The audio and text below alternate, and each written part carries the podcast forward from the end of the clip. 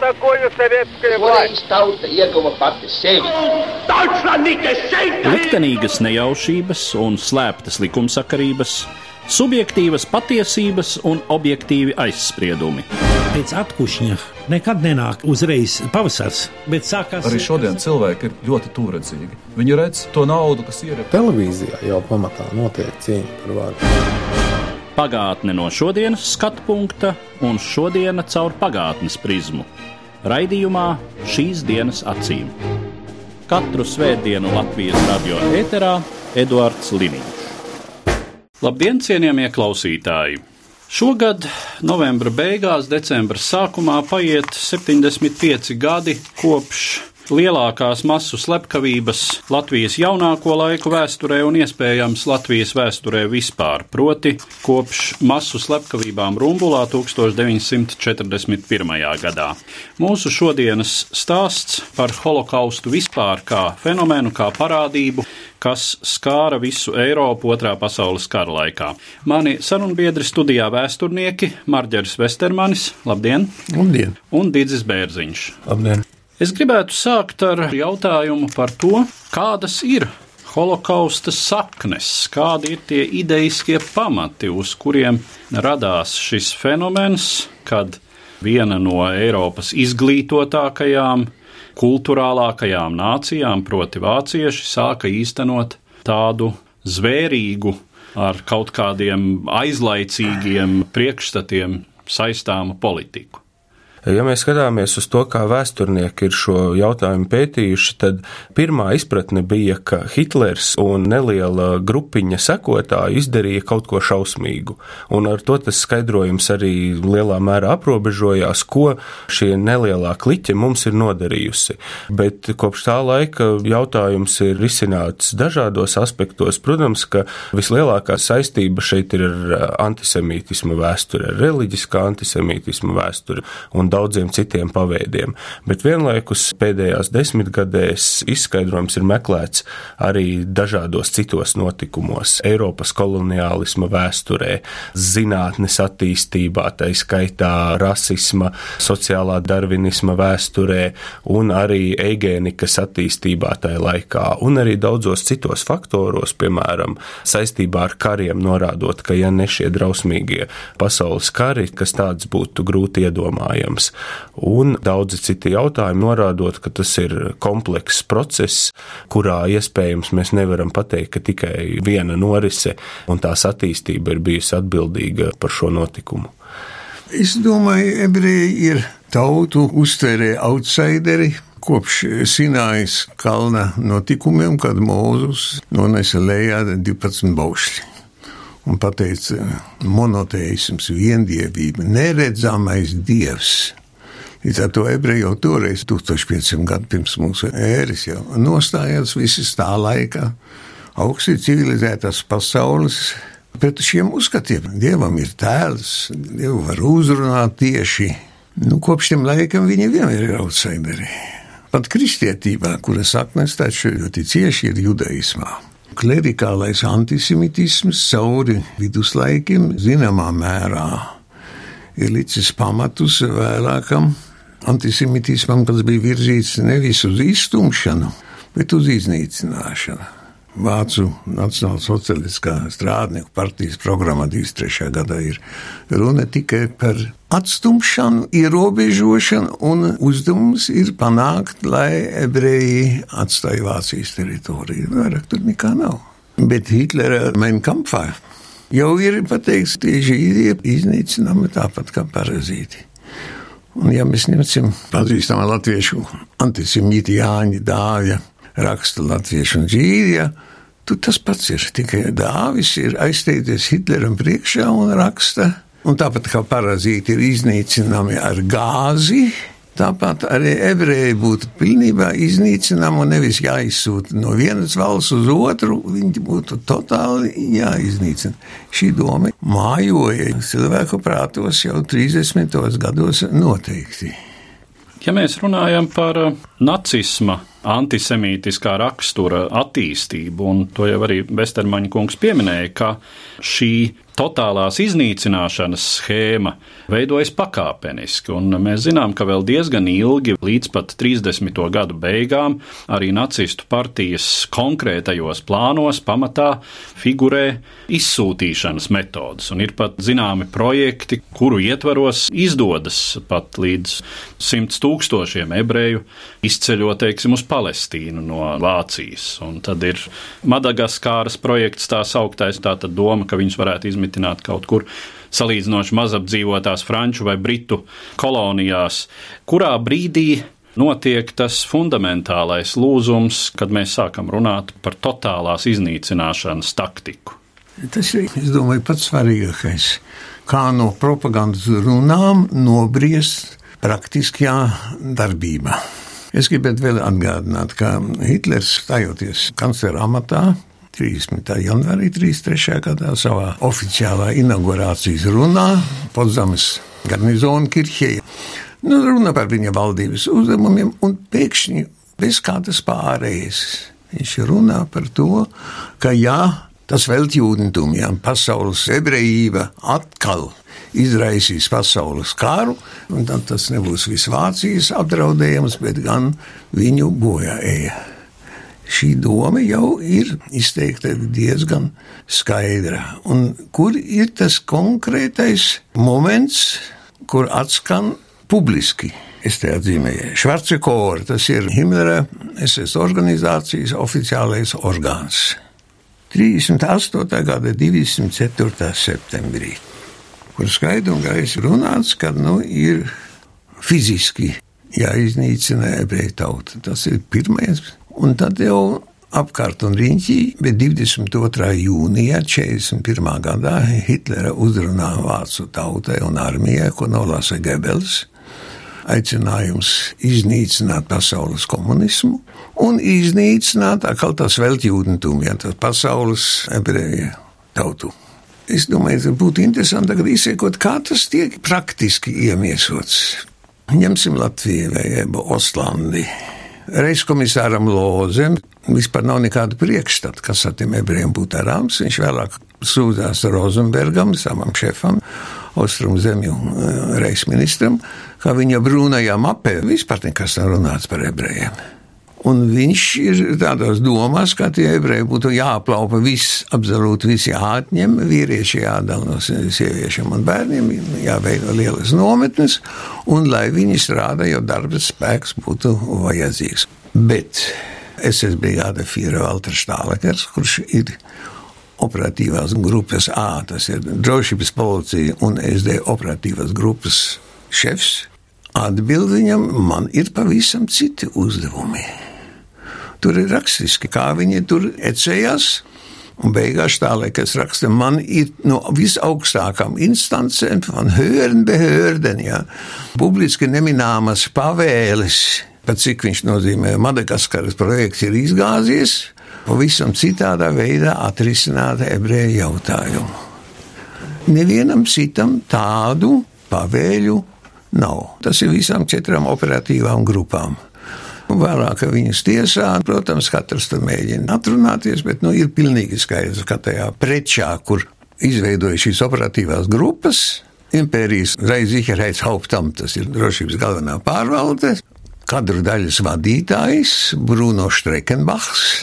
Tas ir vārds, kuru mēs zinām arī Latvijā. Vēlāk viņš kļūst apbrīnojamā kārtā par 19. latviešu leģiona divīzijas komandieri tikai.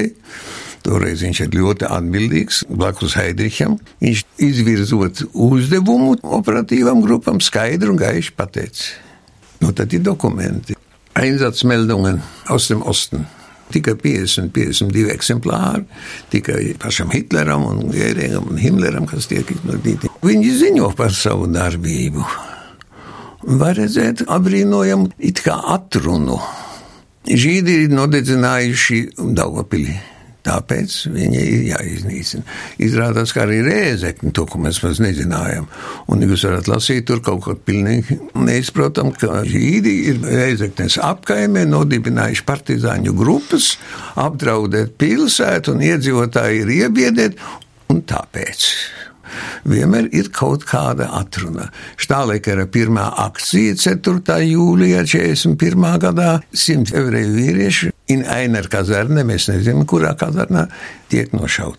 Un atkal atruna, jo tad, kad nošāva vācu kara gūstekņus, tad starp tiem, kas ir nošāvuši šos kara gūstekņus, esot bijis arī kāds Rīgas ebrejs.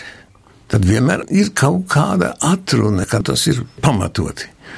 Un tad ļoti interesanti izsekot, kā nepilna mēneša laikā šī atruna izzūd. Vienkārši slepkavo, nošauja un tā tālāk. Vēsturnieki ir meklējuši šo atskaites punktu, kurā brīdī nacistiskais režīms pāriet no runām, no propagandas, no diskriminācijas uz totālu iznīcināšanu.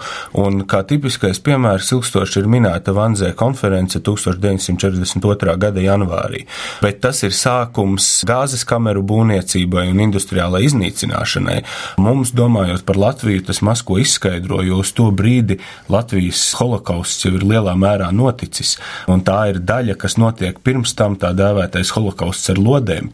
Un skaidrs, ka lēmums ir pieņemts jau pirms tam. Skaidrs, ka direktīvas ir bijušas un pamatuzstādījumi ir bijuši, bet, kā liecina šis pats Marģera Vestermaņa stāsts, vienlaikus tādām iniciatīvām no apakšas un savstarpējai cīņai sistēmas ietvaros arī bija liela nozīme, bet eh, lēmums ir bijis jau pirms šīs Vanzē konferences un totāla iznīcināšana ir aizsākusies sākusies, tā skaitā Latvijas teritorijā jau pirms tam, un tad, kad tiek dots signāls šai industriālajai nogalināšanai gāzes kamerās, Latvijas ebreji lielākoties jau ir iznīcināti, un šis Vanzē konferences lēmums atkal jau liecina par tādu nemitīgu kumulatīvu attīstību, jo iemesls šim lēmumam ir pavisam vienkārši nogalināšana ar lodēm, ar šaušanu.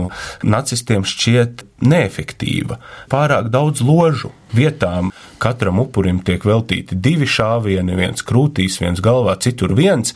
Protams, ka tas atstāja arī iespēju uz šāvējiem, ir grūti tie uzdarīt un citi iemesli, un tāpēc tiek meklēts kaut kas efektīvāks. Bet tas ir nemitīga kumulatīva attīstība no vienkārši runām, pēc tam no idejām par deportēšanu, populārākā versija, kā jūs minējāt, Madagaskara un tā tālāk, līdz pirmajām slepkavībām un beigu beigās līdz nepārprotamai idejai totāli iznīcināt Eiropas ebrejus. Vai es varētu atskatīties atpakaļ pirms Vanzē konferences? Vanzē konference ir pavisam cita situācija. Amerika iestājusies karā. Hitlers 12. decembrī slēgtā vislepenākā apspriede ar augstākām SS vadības virsotnēm ir pateicis, iznīcināšana tiek attiecināta arī uz rietumu ebrejiem, uz rietumu Eiropu. Tas ir pavisam cits, tas, tās ir tas vispārējais, tagad jau lēmums par vispārējo iznīcināšanu. Mums Latvijā būtu interesanti izsekot 41. gada vasaru. 41. gada vasarā Štālekars ziņos 16. oktobrī par paveikto, un viņš norāda, ka vienā dokumentā 30 tūkstoši Latvijas ebreju jau ir iznīcināta nedaudz vēlāk par 35 tūkstošiem. Un Štālekars, kuram ir uzdots atskaitīties par viņa paveikto darbu, nu nevar izskaidrot, kā viņš ar tik mazu cilvēku skaitu paveicis tik ļoti daudz. Un te nu ir jau jautājums, kādā veidā tiek iesaistīti tie daudzie cilvēki, kā tauta saka, tie latviešu šāvēji. Man liekas, mums šodien Latvijā šis process būtu ļoti nopietni jāpēta. Kā es to iedomājos, nu, Štālikam ir tā pavēle, un pirms Rīgas ieņemšanas jau viņš min, kā viņš ir nozīmējis vēl neieņemtā Rīgas pilsētā latviešu komendantu Valdemāru Veisu. Viņš sev rada jau kādu spēku, Valdemārs Veids, Annas ielas štāvā, sāk pulcināt brīvprātīgos, nu, ja mēs runājam par Rīgu, grūti pārbaudamos dokumentos, apgalvojumos, kā esat bijuši viņa rīcībā līdz 5000 pašaizsardzībnieki, kas man nu gan šķiet drusku pārspīlēs.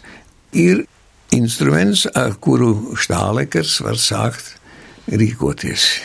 Kā tas notiek provincē? kur štālēkā roka pagaidām praktiski vēl nav aizsniedzama. Štālēkā vienības no Lietuvas virzās uz Rīgu. Durbē viena tailkomando, tāda grupa no viņa operatīvās grupas, min, ka viņi ir noslapkavojuši ebreji, tad viņa tas tailkomando viens un tailkomando divi ir Liepājā, tikai daži desmiti cilvēki. Tad jau pirmās viņa darbības pēdas ir Jelgavā, kur tiek nozīmēts latviešu aktivists Vagulāns, kur neapšaubam organizē Štālekers, vācieši organizē, nu tie izpildītāji jau nu ir vietējie. Vēlāk vienīgā tā darbība ir Daugopilī un Rēzeknē, kur operatīvās grupas, komandas Dāngopilī pirmie ir 1500 vīrieši tiek nošauti, reizeknē tāpat un tā tālāk. Un tad jau Štālekas dodas prom. Jūlija pirmā puse viņš jau ceļā uz Pleskavu, tālāk uz Novasieļietas, lai būtu 18. armijas tiešā aizmugurē, jo viņš ir pārliecināts, ka tūlīt, tūlīt ieņems Ļeņingradu, nu un tur viņam būs tas galvenais darbības lauks. Te paliek tā Ainzats komando divi. Sākumā tas ir galvenokārt Edvards Strauks Nu, vēlāk labi pazīstamais Rudolfs Lange. Kā tā tiek īstenota cilvēka iznīcināšana provincē? Kāds ir tas instruments? Heidrichs, Reizes Hauptamt ir cieši noteicis nekādas rakstiskās pavēles, nekādas tiešas pavēles, uz kura latvieši un pārējie varētu vēlāk atsaukties, nav dodamas nekādu pēdu. Ir kādas pēdas, kur tiek sagatavot štālekara atskaita 42. gada janvārim. Tur ir pateikts, ka ir devuši vācu izteiciens en vink mit dem Zaunfall. Tas nozīmē, aizplūjots mājiens, ka var šaut. Un, ja viņi esot izvēlējušies latviešu pašaizsardzības ļaudis, un tie esot tuvākā laikā nošāvuši 5000 ebreju. Tas ir vienīgais dokuments, ko mēs varam oficiāli redzēt. Bet kurš ir devis pavēles? Tas ir, mēs redzam, visur caur apriņķa policijas priekšnieku. Es gribētu minēt tādu dokumentu, kas ir holokausta vēsture vispār vienīgais. Daugopils Latviešu avīzē 26. jūlijā ievieto rakstu Silenēm, žīdiem vēl zied kvieši, tas ir no vācu valodas, plūter veicin. Tas nozīmē, viņiem tur labi iet, un tie silenieši nav spējīgi, un tad jau laikam jānāk palīgā vai no, no Daugavpils vai no Ilūksas, iedomāt tā Baltmaņa šāvēja komanda, ja paši netiek galā. Kaut kāda redakcija, nožēlojama provinces redakcija, mēģina diriģēt šo iznīcināšanas procesu publiski nekur visā Eiropā, nemaz nerunājot par pašu Vāciju, nekur tādu atklātu runu par nošaušanu nekur neatrodam. Un tur ir ļoti raksturīgi. 26. tie silēnieši pašaizsardzība ir savākuši savus ebrejus, satinuši sevi sinagogā ieslēguši, izsaukt ārēju komandu, bet ārēju komanda nodarbojas ar mantu savākšanu. Kamēr viņi nav savākuši, viņi nešaus. Vietēji ir dusmīgi, nē, tie mūsu žīdi, tā tā mūsu manta. Konflikts ārājieši gan ar salaupītām mantām dodas uz Rīgu un nav kam šaut. Bet tā nu nav nekāda liela bēda, jo 27. viņi paši ir savākušies, bet ir neprofesionāli. Nav izraktas bedres, viņiem nav priekšstat, kā tas īsti jādara. Zen uz Smilgas ezeru, tas ir pie Silenes, Tur iepriekš jau ezera malā krūmos paslēpti šāvēji, kāds arī balsta ložmetējs un kā tajā atpūtā, kas ir dota tiem nāves kandidātiem, kuri jau nesaprot, kas ar viņiem notiek. Pēkšņi tiek atklāta uguns. Protams, kāda metās ezerā, citi mēģina šur vai tur. Beigās ir jāapsteigā viss krasmala, un katrs atsevišķi ir jānošauj. Un e, vēlāk tad ir jāmobilizē kādi zemnieki, lai izraktu kapus un puszīvos vēl piebeigtu, rokot tos kapus un tā tālāk. Tā paša iniciatīvai ir dota ļoti lielas iespējas. Nav tā, kā šodien tautā saka, ja vācietis vienmēr ir stāvējis klāt, un ja tu nešausi, tad Himlers ir devis pavēli, ka nevar nevienu vācieti sodīt par to, ja viņš atsakās piedalīties eksekūcijā. Un tur ir vairāki gadījumi. Pat arī vienība komandieri atsakās. Jā, viņa karjera pagalma, un viņas aizsūta atpakaļ uz Vāciju, bet neviens netiek nošauts. Kur nu vēl latvieši? Lūk, šī traģēdija, kas ir ne tikai ebreju traģēdija, vien, kad katrā vietā pārdesmit cilvēku izmanto šo izdevību savām sadistiskām tieksmēm, viszemiskākām tieksmēm, ja mums taču ir jārunā ne tikai par nogalināšanu, par izvarošanu, par laupīšanu, par ņirgāšanos, par upuriem. Mums ir diezgan nopietni pētījumi, kas ir veikti valsts prezidenta vēsturnieka komisijas darba ietveros. Mums ir gandrīz seši sējumi, kur mūsu vadošie galvenokārt vēstures institūta vēsturnieki Rudīta Vīks, Dzinters Ērglis, Arturs Vinklis un tā tālāk ir ļoti pamatīgi izpētīšana, bet galvenokārt tā ir Latgale kur ir vairāk šo KGB pratināšanas materiālu, kur vairāk tika noķerti tie šāvēji. Tā situācija ir skaidra. Vācieši atvēle ir, bet ka kāds būtu viņus tieši kādu piespiedis, tam nav pamatojuma. Rudenī visu to centralizēti jau sāk pārņemt, tad jau pavisam savādāk. Tad ir Himlera pavēle, atsūta iekeli, tiek organizētas lielās masu nošaušanas, jau ir palikuši ebreju geto tikai Daugopilī, pavisam maziņš geto ir tikai 42. gada 1. jūnijā Liepājā no 6000 ir palikuši 825. Nu un Rīgā. Tas notiek pavisam citā līmenī, bez brīvprātīgo piedalīšanās un tā tālāk. Lūk, šis stihiskais, zvērīgais nogalināšanas Vilnes provincē ir mūsu bēdīgo pārdomu uzdevums, es domāju. Tas ir tas, ko es gribētu jautāt šai sakarā. Un uh, skatoties ne tikai uz Latviju, bet arī uz Vāciju un tad uz pārējo Eiropu. Kāds ir šis sociālais un līdz ar to politiskais pieprasījums. Kādas sabiedrības vēlmes režīms apmierina, kādus sabiedrības noskaņojumus tas izmanto, mobilizē, Par Latviju es domāju, galvenais, uz ko mēs atskatoties, palasot tā laika presi, kas bija mana maģistra darba pētījums, laikraksts Tēvija, varam redzēt, tas motīvs, ko nacisti nemitīgi mēģināja izmantot, bija pirmā padomju okupācijas gada noziegumi. Tur nemitīgi darbojas saite Žīds Bolševiks, jeb ebrejs komunists, Un visi šie noziegumi, ja tad mēs zinām bēdīgu slaveno izdevumu baigais gads, kuru daži aktīvisti ir centušies pārizdot jau pēc Latvijas neatkarības atjaunošanas, visa šī propaganda bija vērsta uz to, lai neapšaubāmo noziegumus, kas tika īstenoti, sasaistītu ar ebrejiem. Bet mēs nevaram teikt, ka visi, kas piedalījās slepkavībās, darīja to tikai atriebjoties par padomju gada noziegumiem un domājot, ka ebreji kolektīvi ir par to atbildīgi. Daudzi cilvēki presi nelasīja. Man nesen bija saruna ar režisoru no Izraēlas, Borisu Mafciru, kurš šeit filmē, un, un viņš teica, ka viņš man šķiet 70. gadu sākumā, sēžot stūra mājā, ieslodzījuma izcietis kopā ar vienu latvieti, kurš nemitīgi stāstīs, kā viņš piedalījies ebreju slepkavībās, bet Mafcira kungs saka, ka viņam ir pilna pārliecība, ka šis cilvēks nekad nevienu avīzi nebija lasījis. Tur ir pilnīgi citi motīvi. Ir arī pētījumi par ārāju komandas profilu, un tur tipiskā pazīme ir vieglas dzīves meklētāji. Tas pats Herberts Cukurs, kuru mums daži mēģina padarīt par varoni, cilvēki, kuriem varbūt pat nebija nekādu lielu ideoloģisku pārliecību, kuri redzēja iespēju, nu, re, tā man būs vieglāk tagad pie jaunā režīma kaut kur uzdienēties.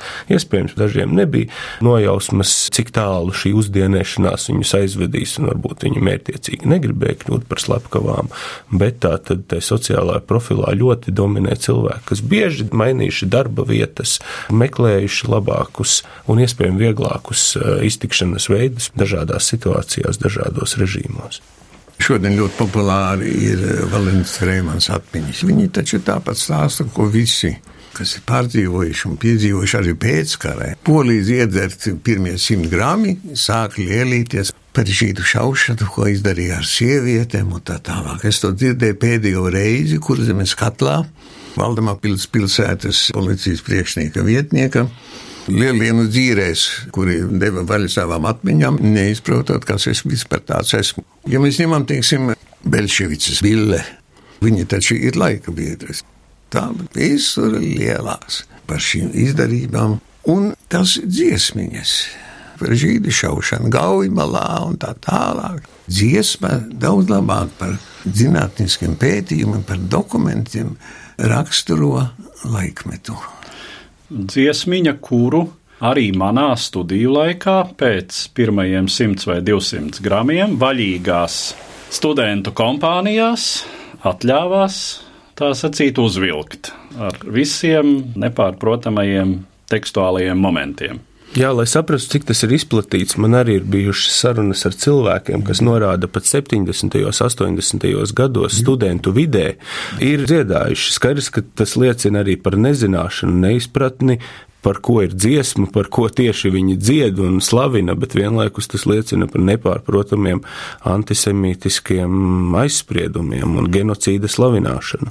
Taču pirms kara korporantu bez iedzeršanas dziedāja, kā viņi dziedāja no dauga viņa māmaliņa. Metiet tīklus Daugavā, kā mēs visi zinām, viņa dzied, metiet žīdus Daugavā. Tas jau bija vispār plaši zināms. Neviens jau to neņēma tā īpaši papildu. Nu, jā, nu, ko nu, tur viņa tā, tāda ķircināšana. Bet arī pēckara es sāku studēt 46. gada latviešu plūsmā. Mums bija brīnišķīgas attiecības, mēs bijām tikai divi ebreji. Toreiz jau nu, mēdz jau ietvert kompāniju. Neko ļauna nedomādam, ļauj vaļā, metiet žīzi daudz. Tik dziļi tas bija iespējas tā tieksme būt likteņa lēmējiem. Tajā laikā, kad padomju vara tos latviešus pārvērš par izpildītājiem, nu vācieši vēl jau vairāk. Vienīgais veids, ko varēja apmierināt šīs varmācīgās vēlmes, uzkundzēties, tā bija tā ebreju slepkavošana. Kā jums šķiet, runājot par šī brīža Latvijas sabiedrību, cik lielā mērā tas antisemītisma bacilis ir padarīts nekaitīgs? Par to jāspriež dīdzim, jaunam cilvēkam, ne jau no man, vairāk kā 90 gadu, un mēs nekad neesam droši. Neveiksminieki, kuri ir cietuši sociāla katastrofa, nu, meklē vainīgo. Nu, un tad bija vieglāk pateikt, nu, kas ir vainīgs? Nu, žīdi vainīgi, nu, protams. Bet nu, kāds ir noskaņojums Latvijas sabiedrībai, es gribētu arī šeit vēlreiz atgādināt tā solidaritātes vienotības demonstrācija 30. novembrī pie brīvības pieminekļa, tā ir saviņojusi ne tikai man, arī visus manas paziņas un ebreju kopienu visumā, es domāju. Tas ir pirmo reizi, kad Latvijas inteliģences ir simti, ja bija tajā atklātā vēstulē parakstījuši vairāk kā 300 cilvēku. To uguntiņa bija krietni vairāk par 300. Tā brīnišķīga atmosfēra Es domāju, nu gan jau kādi huligāni tur nu, apsaukās tos svecīšu dedzinātāji. Neviens. Nekāda policija, nekā nav tāds labestīgs, cilvēcīgs klusums, piemiņas un sērūrīts. Tas ir brīnišķīgi. Es vēlreiz atkārtošu to, ko es teicu Rumbalā. Es esmu laimīgs, ka savā tik garā dzīves noslēgumā es esmu piedzīvojis šo cilvēcisko izlīdzināšanas brīdi. No vienas puses, es domāju, ka tā situācija uzlabojas, no otras puses, es negribētu būt pārlieku optimistisks, jo tas, ko minēja Vestermaņa kungs, neapšaubāmi tā ir. Mana doktora disertācija bija mēģinājums saprast, kā veidojas sociālās atmiņas procesi Latvijā, un kopš 90. gadiem mums ir bijušas vientuļas intelektuāļu balsis, kas ir mēģinājušas šos jautājumus aktualizēt, tā skaitā šis raidījums. Bet tiešām pēdējos dažos gados mēs esam nonākuši pie tā, ka šo cilvēku lokus, kuriem tas liekas aktuāli un būtiski pievērst uzmanību šim jautājumam, ir krietni palielinājies. Es domāju, ka kaut kur šis svārsts ir pārvēlies, un šobrīd intelektuālim, kurš nāk ar savu viedokli publiskajā telpā, jau ir izdevīgi teikt, ka holokausts bija noziegums un antisemītisms tas ir slikti. Bet no otras puses, ja mēs runājam par sabiedrības vairākumu, un es noteikti šeit negribu apvainot visu Latvijas sabiedrību, Un šeit es nerunāju par radikāļiem, kur arī mums ir noteiktās grupās, joprojām antisemītisms ir visnotaļ izplatīti. Man pašam visaktuālākā problēma liekas nacistiskās propagandas mīti, tādi kā baigais gads, tādi kā šustina saraksts un tā tālāk. Ja mēs joprojām ļoti bieži publiskajā telpā runājam nacistiskajā antisemītisma valodā, apzināti vai neapzināti. Un otra liela problēma ir tas virtuves antisemītisms, tā sauktais, ka šobrīd vairums cilvēku jau apzinās, ka tas ir tā drusku aizdomīgi nākt ar kaut kādiem antisemītiskiem izteikumiem, bet parunājot ar cilvēkiem ilgāk, varbūt iepazīstot ik pa brīdim, nākas dzirdēt tīrās šausmas joprojām. Tā ka atbildot uz jautājumu, nu nekur ļoti, ļoti tālu prom, mēs diemžēl no tā neesam vēl tikuši. Bet uzlabojums ir. Ja ir jābeidz ar pozitīvu noti, tad es domāju, ka lēnām virzība notiek. Un tas, ko mēs šobrīd redzam, to publiskās telpas interesi cilvēkus, nevairs tikai no augšas, bet cilvēki, kas nāk ar iniciatīvām, pieminēt, nosodīt šo noziegumu, tas ir visnotaļ pozitīvi. Un es domāju, šī pozitīvā tendence arī saglabāsies. Tad uz tādas pozitīvas nots es arī vēlētos šo sarunu noslēgt un saku paldies maniem sarunbiedriem, vēsturniekiem Marģeram Vestermanim un Didzim Bērziņam. Paldies! Paldies. Paldies! Katru svētdienu Latvijas radio viens par pagātni sarunājas Eduards Liniņš.